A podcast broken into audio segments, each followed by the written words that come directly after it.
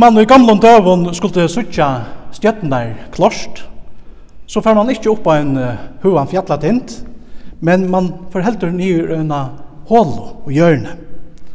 Her var myrskare, og tog saman òsne stjøtnar klarare, nirri ui i hålene. Og så er det òsne vi okkara andliga løyve, kom vi sia. Vi stod jo opp, vi er stod jo nyer, vi har sett høgt, Vi har sett okkom lokt. Og heitir er det som Jesus sier og Jesus er teksten hon, som vi har hørt i det.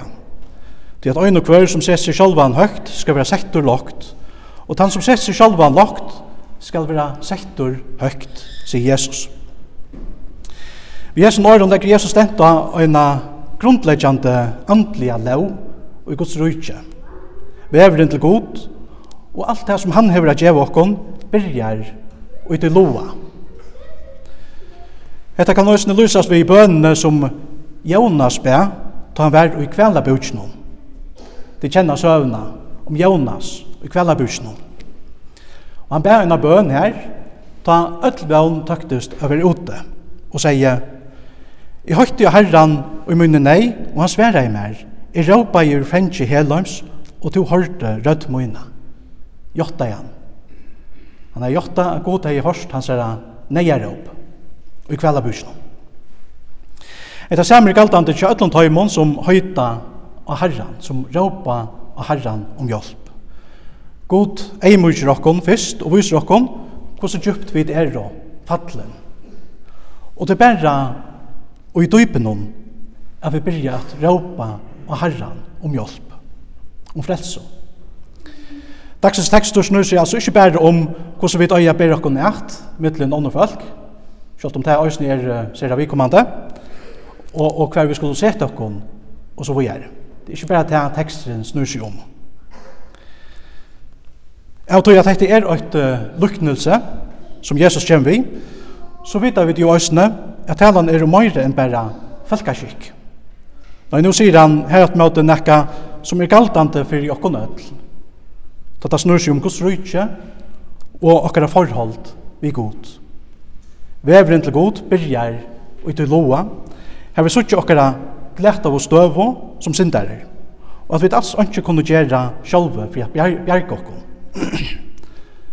Når jeg døyp noen, er det bare øyn som kan bjerg okkom.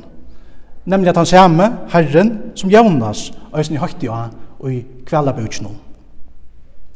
I høytja Herren, og i nei sier Jonas. Og han sverar i mer, i råpaje ur fengi helheims, og to hørte rødt møyne. Vi kunne lyde av at Herren òsni høyre okkara neie råp ur dypen. Så sa vi som fleste sindar, òsni kunne uh, sia saman vi Jonas. Tu, ta førte to løymutt upp ur grøvne Herre, godmøyn, jotta igjen. Ta fyrte til loiv mot opp ur grøvne, Herre, god min.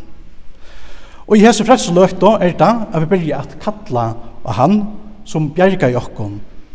Vi rett og navne, Herre, god min.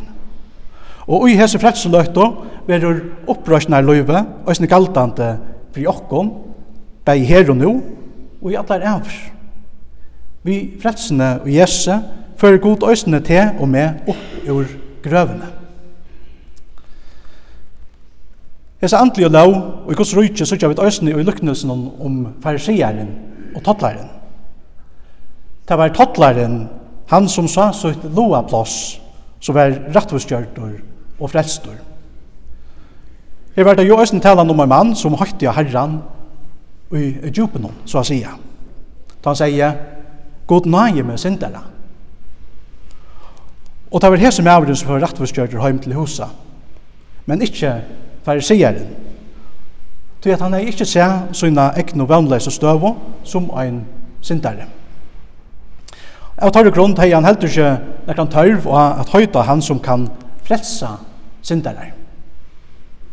Peter Apostol legger også denta hesa som og lau i gos rujtje da han sier God stendur tramplachton imot, men eimjukon veitir han nøye.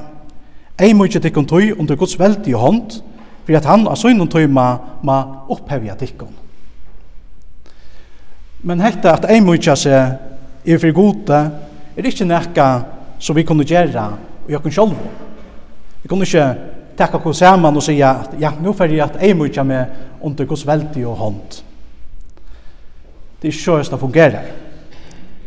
Vi kunne ikkje tvinga okkara gjørstå så at det rattar seg med å det gode og etter tog som han har rett bjau okkom. Når jeg har et møte, må Gud sjálfur sleppa fram eit, okkar gjørstum, bægir vi sinne høyla og lau, så viser okkar okkara gletta og støvo, og vi glei i bådskapnum, så viser okkar av han som kan bjerga gletta og syndarum. Men jeg tror at vi er og syndare, som i grunden ikkje vilja hava nekka vi goda gjerra, så fyrir vi ut i okkar sjálfun omkant og a sett okkar ui hendi her loa sessen som til dømes Paulus og sagt og han sier ta året er sagt og til fullnær tess verst at det ikke være vitøy at Kristus Jesus kom i heimen a frelsa syndare og tørra middelen er i fremstøy sier Paulus Hette er tan lage sessren, tan lagste sessren. Og det er just i hesson lagsta sessren at vi møtta menneskjon som hinnom rattvistgjørta tottlaranon og rånsmannen av Golgata, som var bjergaur og frestor og i sørsta eablikje. Og her møtta vi øysene Paulus, hinnom størsta syndaran. Hvert hava menneskje til felag som sita ui eson lagsta sessenon.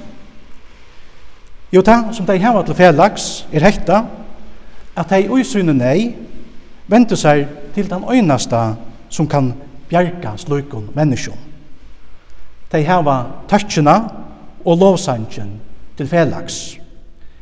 I høytti og herran og i neimunne, og han sværa i mer, i råpaie ur fengtje helheims, og til hørte rettmunna.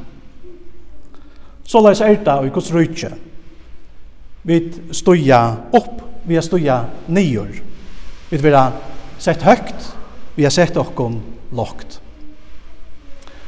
Og just her, og just nær lagsta sessnon, er det òsne vi oknast hin haksta sessen.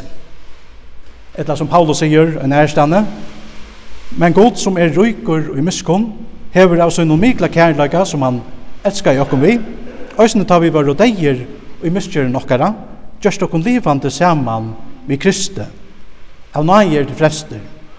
Og så sier han, og røst okkom opp sama vi honom, og giv vi okkom sætte sama vi honom av himna grunden og i Kristi Jesus. Hette er hinn hakste sessren av vera røst opp saman vi Jesus, og det vi finnst sætte sama vi honom av himna grunden. Henta sess kunne vi feknast om, og i det, her og nå, og i atler æver. Om henta sama sessen, stendt øysen skriva, at de skulle komme estan etter, og vestan etter, og norran etter, og sunnan etter, og settes til bors og i Guds rujtje. Hette er den beste sesseren av de nødlån. Og Herren vil at vi ødel skulle settes til bors sammen vi hånden, heima og himmelen. Men om dette her skal være til verilaga for det til og med, så må Gud først og fremst slippe at løy kom til den lagsta sessen Herran viser okkon og akkurat synd og døm, og at det bare er øyn som kan bjerge okkon, at det bare er Jesus som kan frelse okkon. Tostan er det at vi får at høyta og Herran. Tostan er det at bønnen til Jonas øysen ver til tøyna og møyna bønnen. Og at vi sammen i hånden øysen kunne gjøre i høyta Herran og i neimøyne, og han sværa er mer. I råpa i urfengje helheims og du hørte rødmøyna. Gav jeg at dette østene var nekka som to er kunne si. Lov og takk og atter høyer, vire her, god og varon, feir sine og høylaun anda, som alt og hever være, er og alt og vere øynsannor, tru øyne god, halov over, fra fyrste opphavet, nå om atler av. Amen.